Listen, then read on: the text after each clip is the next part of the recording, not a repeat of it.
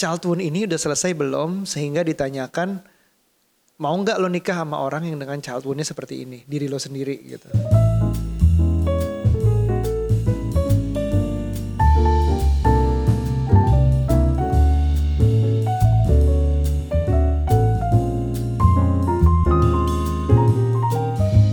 Hai Bapak, Hai Ibu, apa kembali kabar? di Curhat Babu, curhatnya Bapak dan Ibu. Kabar baik Bab, gimana kalian semuanya? Jadi gini, em, aku mau bacain email. Oke, Langsung aja ya. Mau Langsung mau saja, bacain kita ada email, yang, yang masuk. Hai Aryo dan Hai Pak Aryo dan Bu Nucha. Waduh, berumur sekali kita kayaknya, Ja. Perkenalkan saya XX dari XXXX. Saya pengen curhat dan minta saran. Saya perempuan usia 27 tahun yang akan menikah tahun ini. Salah satu yang menjadi momok ketika sudah berumah tangga adalah ego yang sifat keras, ego dan sifat keras kepala yang saya miliki. Saya tumbuh tanpa orang tua karena beliau sudah meninggal ketika saya TK dan SMP. Saya dibesarkan oleh kakak laki-laki saya yang selalu mendidik saya untuk menjadi mandiri. Sejak kecil saya sudah memutuskan banyak hal sendiri, belajar mengambil resiko dari setiap tindakan saya. Secara finansial, saya juga mandiri. Alhasil didikan kakak saya tersebut membuat saya memiliki sifat yang mandiri, keras Oke. kepala dan memiliki ego cukup tinggi. Yes. Apabila ada hal yang tidak sesuai pendapat saya, saya akan dengan mudah tidak menyetujui. Yang saya khawatirkan, pasangan saya akan merasa terintimidasi dengan sikap saya dan saya menjadi dominan dan kadang nurut dengan su- dan Kurang. kurang kurang nurut dengan suami. Ya. Kalau berkenan memberi saran, silakan.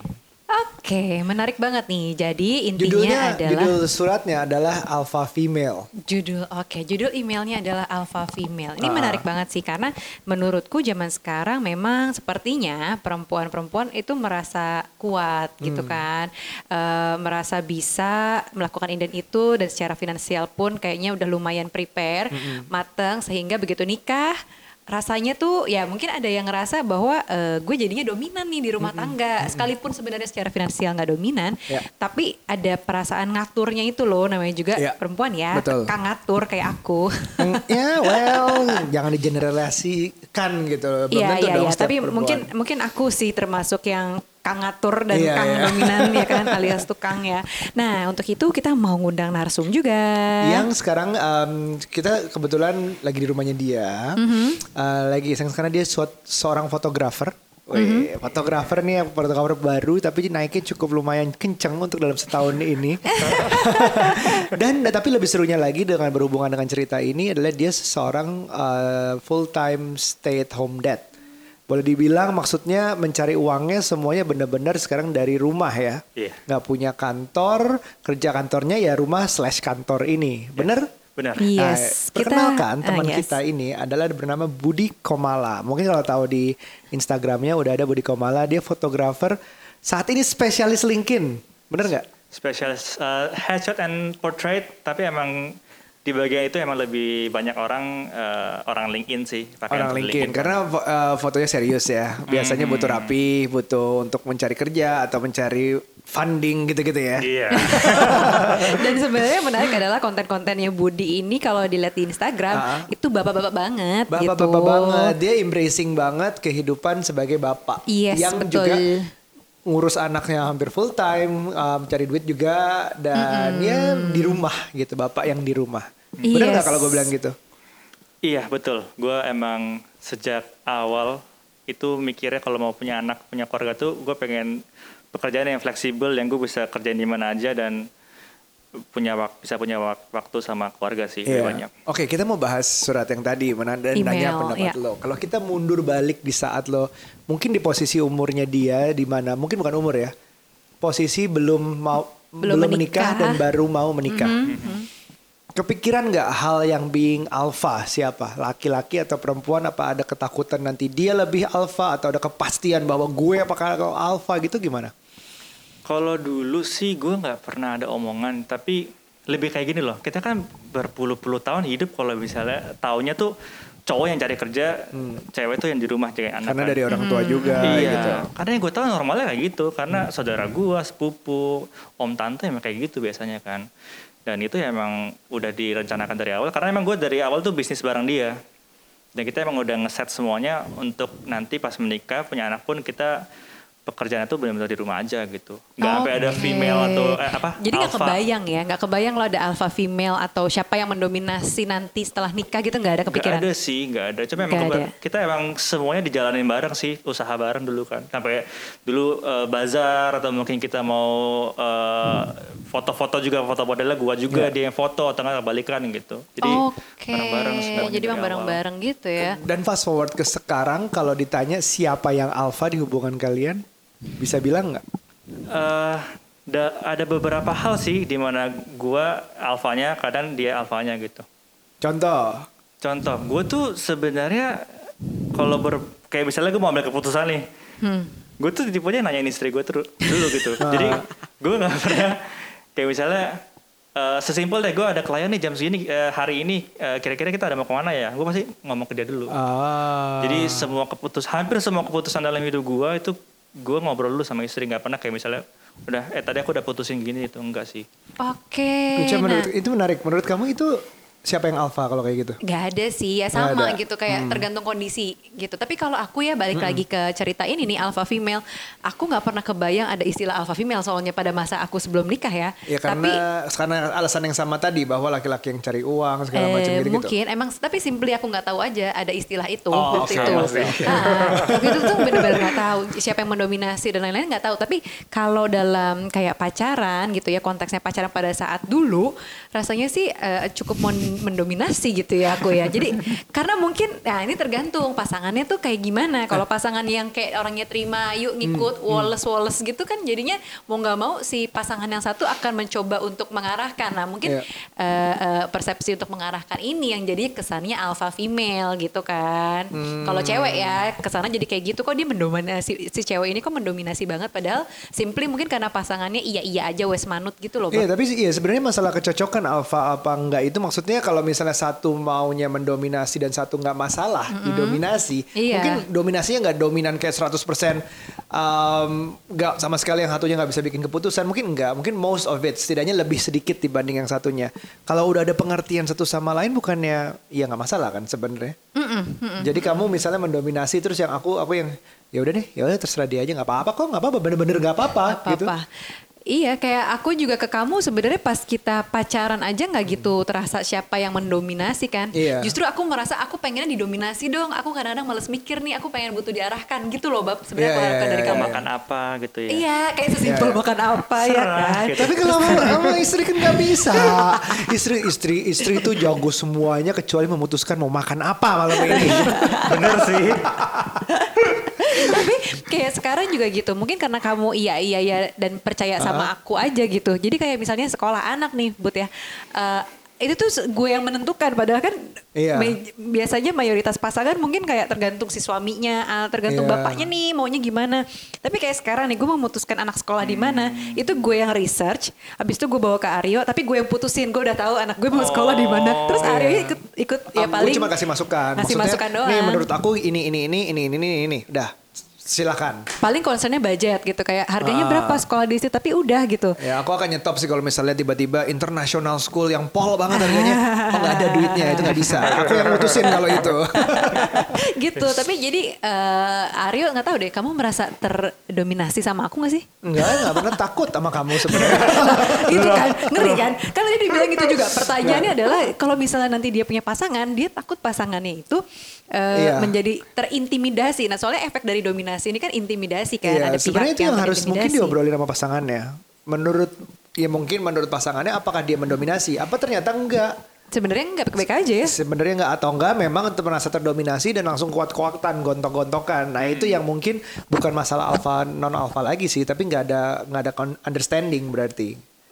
Iya kan? Itu masalah masalah dominasi terjadi di alfa non alfa bisa, tapi bisa jadi di masalah lain, beda prinsip, beda apa nanti nggak cocok kalau yang memang kayak gitu. Mungkin ada masalah lain selain alfa non alfa ini. Bisa jadi sih. Tapi kalau tadi dari email itu menurut lu gimana, Bud? Dia kan dia soalnya worried kalau misalnya gue terlalu strong, nanti laki-laki takut sama gue. Soalnya ada kejadian nih teman kita kayak gitu. Eh, jadi kayak gini, simply karena teman kita ini lebih, perempuan ya, eh, lebih settle, kerjaannya udah lebih mapan, penghasilan lebih besar, terus dideketin cowok tuh pada kabur mulu gitu loh. Cowoknya ini baru deketin sebentar, terus kabur ya kan ya Iya ya? kayak apalagi pertama kali paling ngerasa tuh di saat ngapelin ke rumahnya ngapel tua bang kita. Ngapel. Cuma ayo ke- jemput ke rumahnya terus saat rumahnya agak besar. Oh. Terus dia nggak jadi.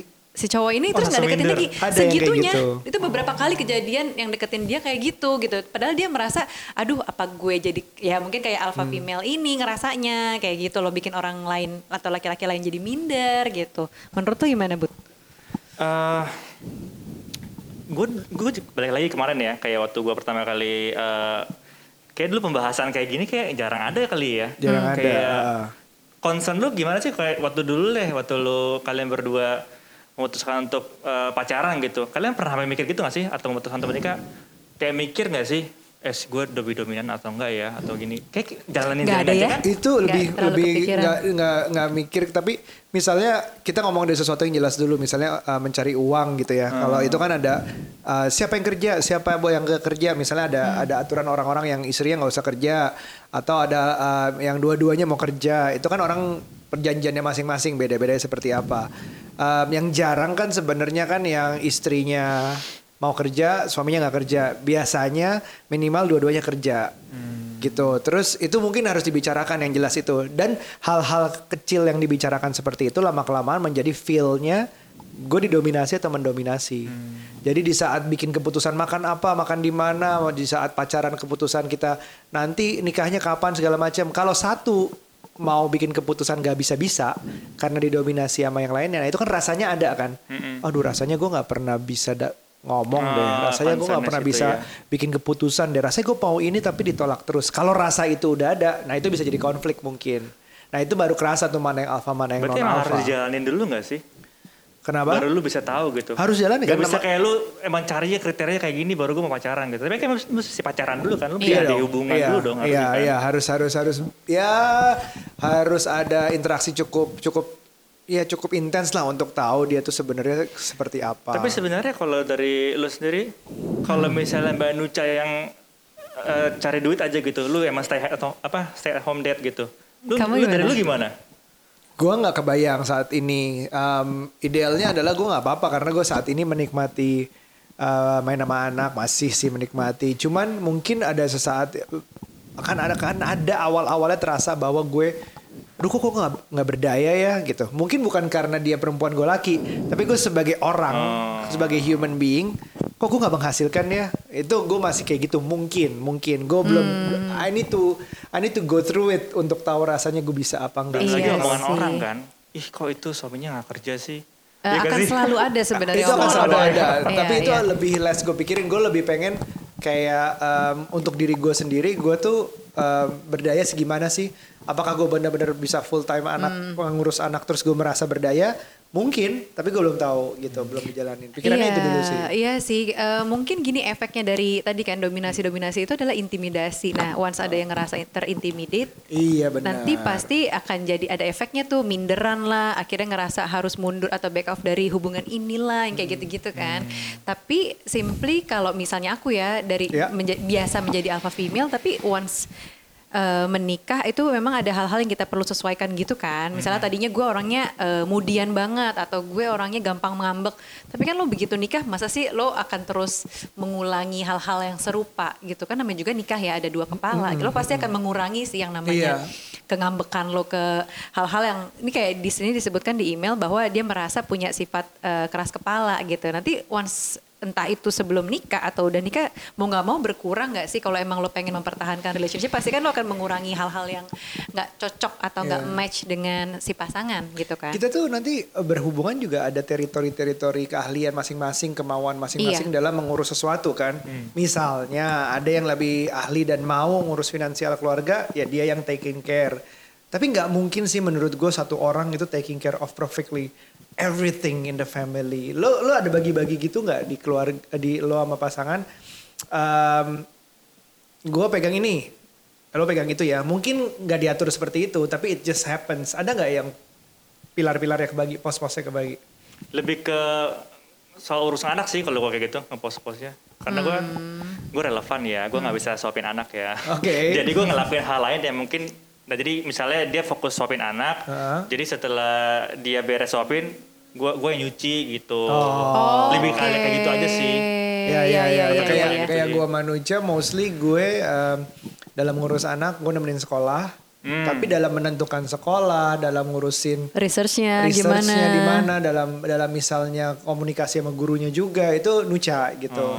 Dalam misalnya em, mandiin, mak kasih makan, nyuci, ngatur baju-bajunya anak-anak tuh lebih nuca. Tapi main mungkin sedikit lebih gue Iya, gitu-gitu. iya, Jadi kita iya. kayak, Iya, iya, iya. tapi itu nggak direncanain di Nggak, awal. Iya, kayaknya udah eh, otomatis aja Iya, iya, gitu. iya. Gue jadi ngerasa sendiri sih sebenarnya begitu punya anak. Eh, iya ya, kok kayaknya gue nggak se nggak terlalu se fun atau se, ekspresif kamu gitu, bang Iya, untuk iya, ngajakin iya. anak-anak main. Oh, Ternyata malah lebih ekspresif ya lu dia ya? lebih ekspresif banget Oh, kalau main sama ya. main. Jadi gue tuh lebih ngurusin kayak anak-anak udah ma- eh, makanannya apa ya, terus bajunya apa hari ini, terus kayak mandinya jam berapa kayak gitu-gitu. Tapi urusan main tuh lebih banyak ke Aryo. Tapi itu secara natural Jalanin aja, aja, sih. dijalanin dulu, kan? Jalanin aja kan, ha, nggak ada ah. aturan sebelumnya. Jadi maksudnya untuk email ini mungkin bisa dipikir bahwa um, connection yang lo dapat walaupun misalnya ada satu yang merasa dominan, satu merasa inferior, apa sih bahwa lawannya dominan? In- eh, apa namanya inferior dan dan, dan, dan, superior. dan, dan superior. Inferior dan superior nanti ada.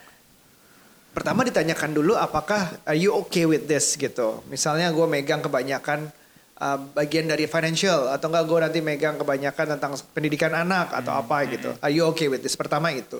Kedua karena satu orang satu orang tuh nggak mungkin mendominasi semuanya udah pasti semua punya posnya masing-masing kalau dijalanin udah ngerasa ada koneksinya bisa kerjasama ya anggap aja di kantor itu juga ada bos dan bawahan itu kan juga istilahnya kerjasama kan Uh-uh.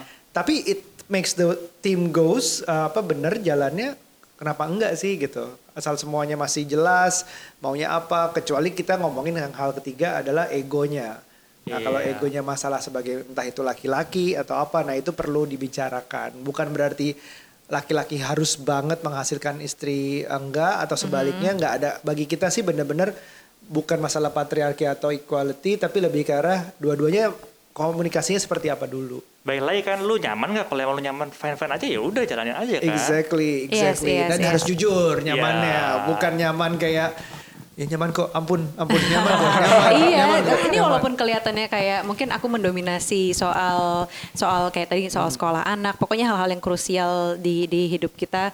Tapi sebenarnya somehow aku juga respect ke tetap respect ke Aryo gitu. Kalau misalnya nanya sesuatu yang memang penting gitu, aku Ah. pasti tanya dulu kan ke kamu. Walaupun Aryo bilang juga sih, kamu kan udah tahu jawabannya.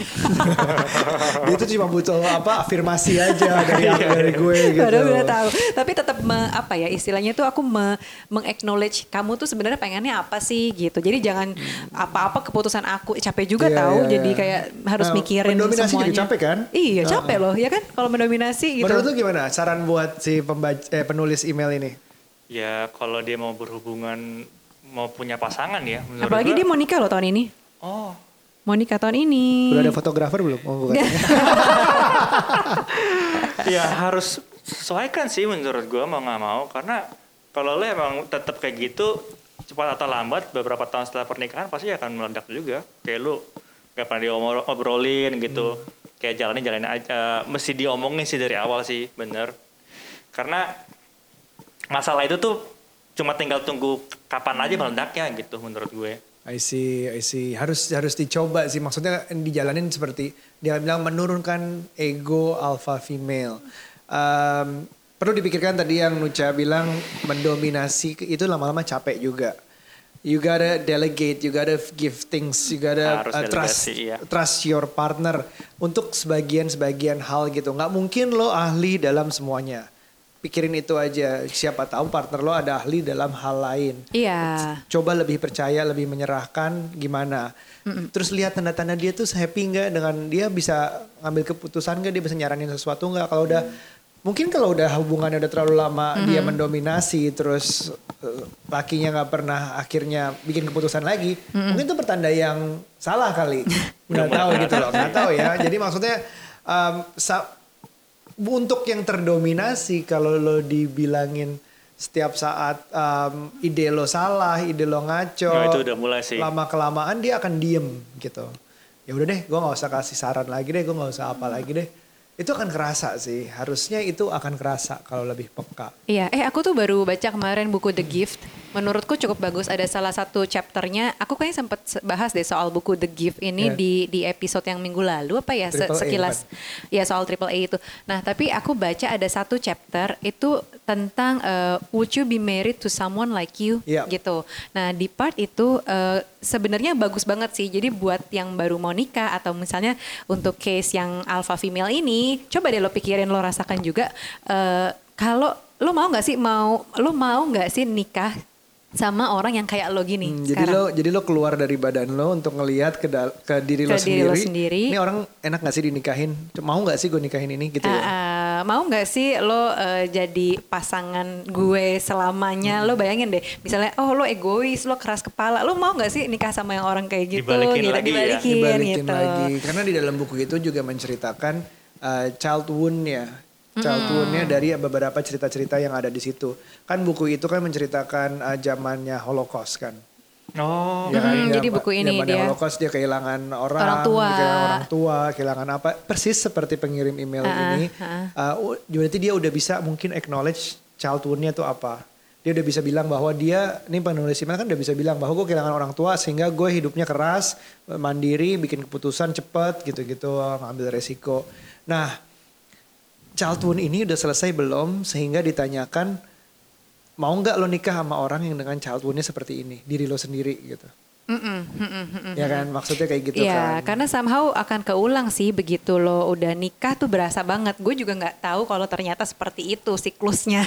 jadi- Jadi, buat yang ngirim email ini mungkin sekarang masih banyak ya egonya Mm. tinggi dan lain-lain karena pernah punya masa lalu yang Mm. mungkin terluka gitu kan, ditinggal orang tua itu Iya. pasti grievingnya juga mungkin sampai sekarang masih ada gitu kalau nggak selesai. Nuja juga pernah uh, kita mikir bang melalui workshop Nuja jadi, jadi tahu bahwa dia tuh um, pengen punya suami yang peng uh, deket sama anak-anaknya. uh-uh. Itu dikarenakan Dulu gue nggak deket sama orang tua gue gitu, Oh, secara jadi affectionate-nya gitu kurang. Ah, gitu. Jadi tuh ada pattern, ada rumusnya ternyata kenapa gue ketemu sama lo, kenapa kita berjodoh. Oh ternyata kita tuh saling mengisi gitu. Tapi itu secara nggak sadar loh.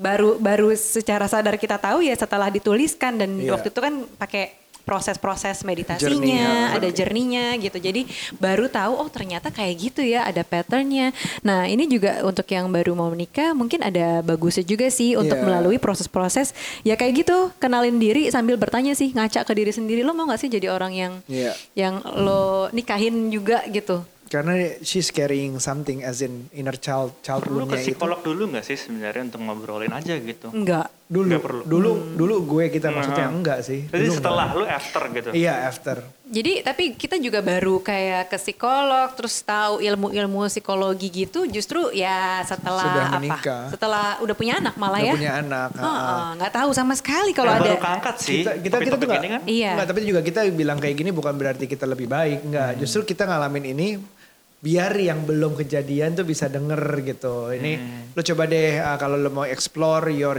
in- uh, inner child atau child wound lo itu mungkin bisa kelihatan sebenarnya what are you looking for where are you going gitu segala macam mungkin bisa. Ada banyak banget terapi self healing kan. Self healing itu mulai dari TAT meditasi um, apa journaling, kronia, apa segala macam. Yoga itu juga sebenarnya bagian dari self healing tuh bisa dipelajarin untuk tahu itu semua. Yes gitu. Jadi Gitu. apa namanya? eh, ya ya lo pikirin aja dulu sekarang kalau yang dengar eh, apa namanya yang dengar podcast ini dan yang kirim email. Mudah-mudahan lebih tercerahkan sih Iya. gitu. Dan enggak um, Budi thank you so much karena menurut gue um, lo gue perlu ajak ngobrol karena uh, Instagram lo tuh isinya sangat sangat sangat kebapaan. Iya. artinya bukan tua ya. Artinya lebih karena lo main sama anak lo lo ngurus rumah uh, semuanya dan melakukannya semua di rumah kayak berdedikasi sekali dan belajar banyak ilmu parenting gitu. Dan gue menurut gue alpha atau non alpha atau beta atau apa pun itu um, bisa bisa terlihat sih bisa terasa. Ya nggak sih? Bisa terasa, bisa kelihatan, nanti bisa bisa dibicarakan. Mungkin um, bicara terut- terutama dengan diri sendiri dulu melalui journey-journey self healing tadi. Would you be married to yourself? Coba dipikirin. Bener sih itu pertanyaan bagus banget sih. Would you marry to yourself? Lo Ditanyain. coba bayangin kalau misalnya dulu pas mau nikah Hah. dikasih pertanyaan itu lo. Nggak mau gue. Nah itu justru bisa jadi bikin kita mau memperbaiki diri dulu, menyiapkan Iya. diri untuk nih gue udah gue nikahable nih gitu. Jadi Nikahable. gue nikahable nih bisa nikah nih kalau gue udah bener dengan mencari tahu what's wrong with them gitu. Probably. Alright. Oke. Itu aja. Sampai ketemu di episode berikutnya. Jangan lupa follow Budi Komala, Nucha Bahri, Aryo, eh Syega Rio, dan Curhat Bapak Ibu. Yay, Bye. see you. Bye bye.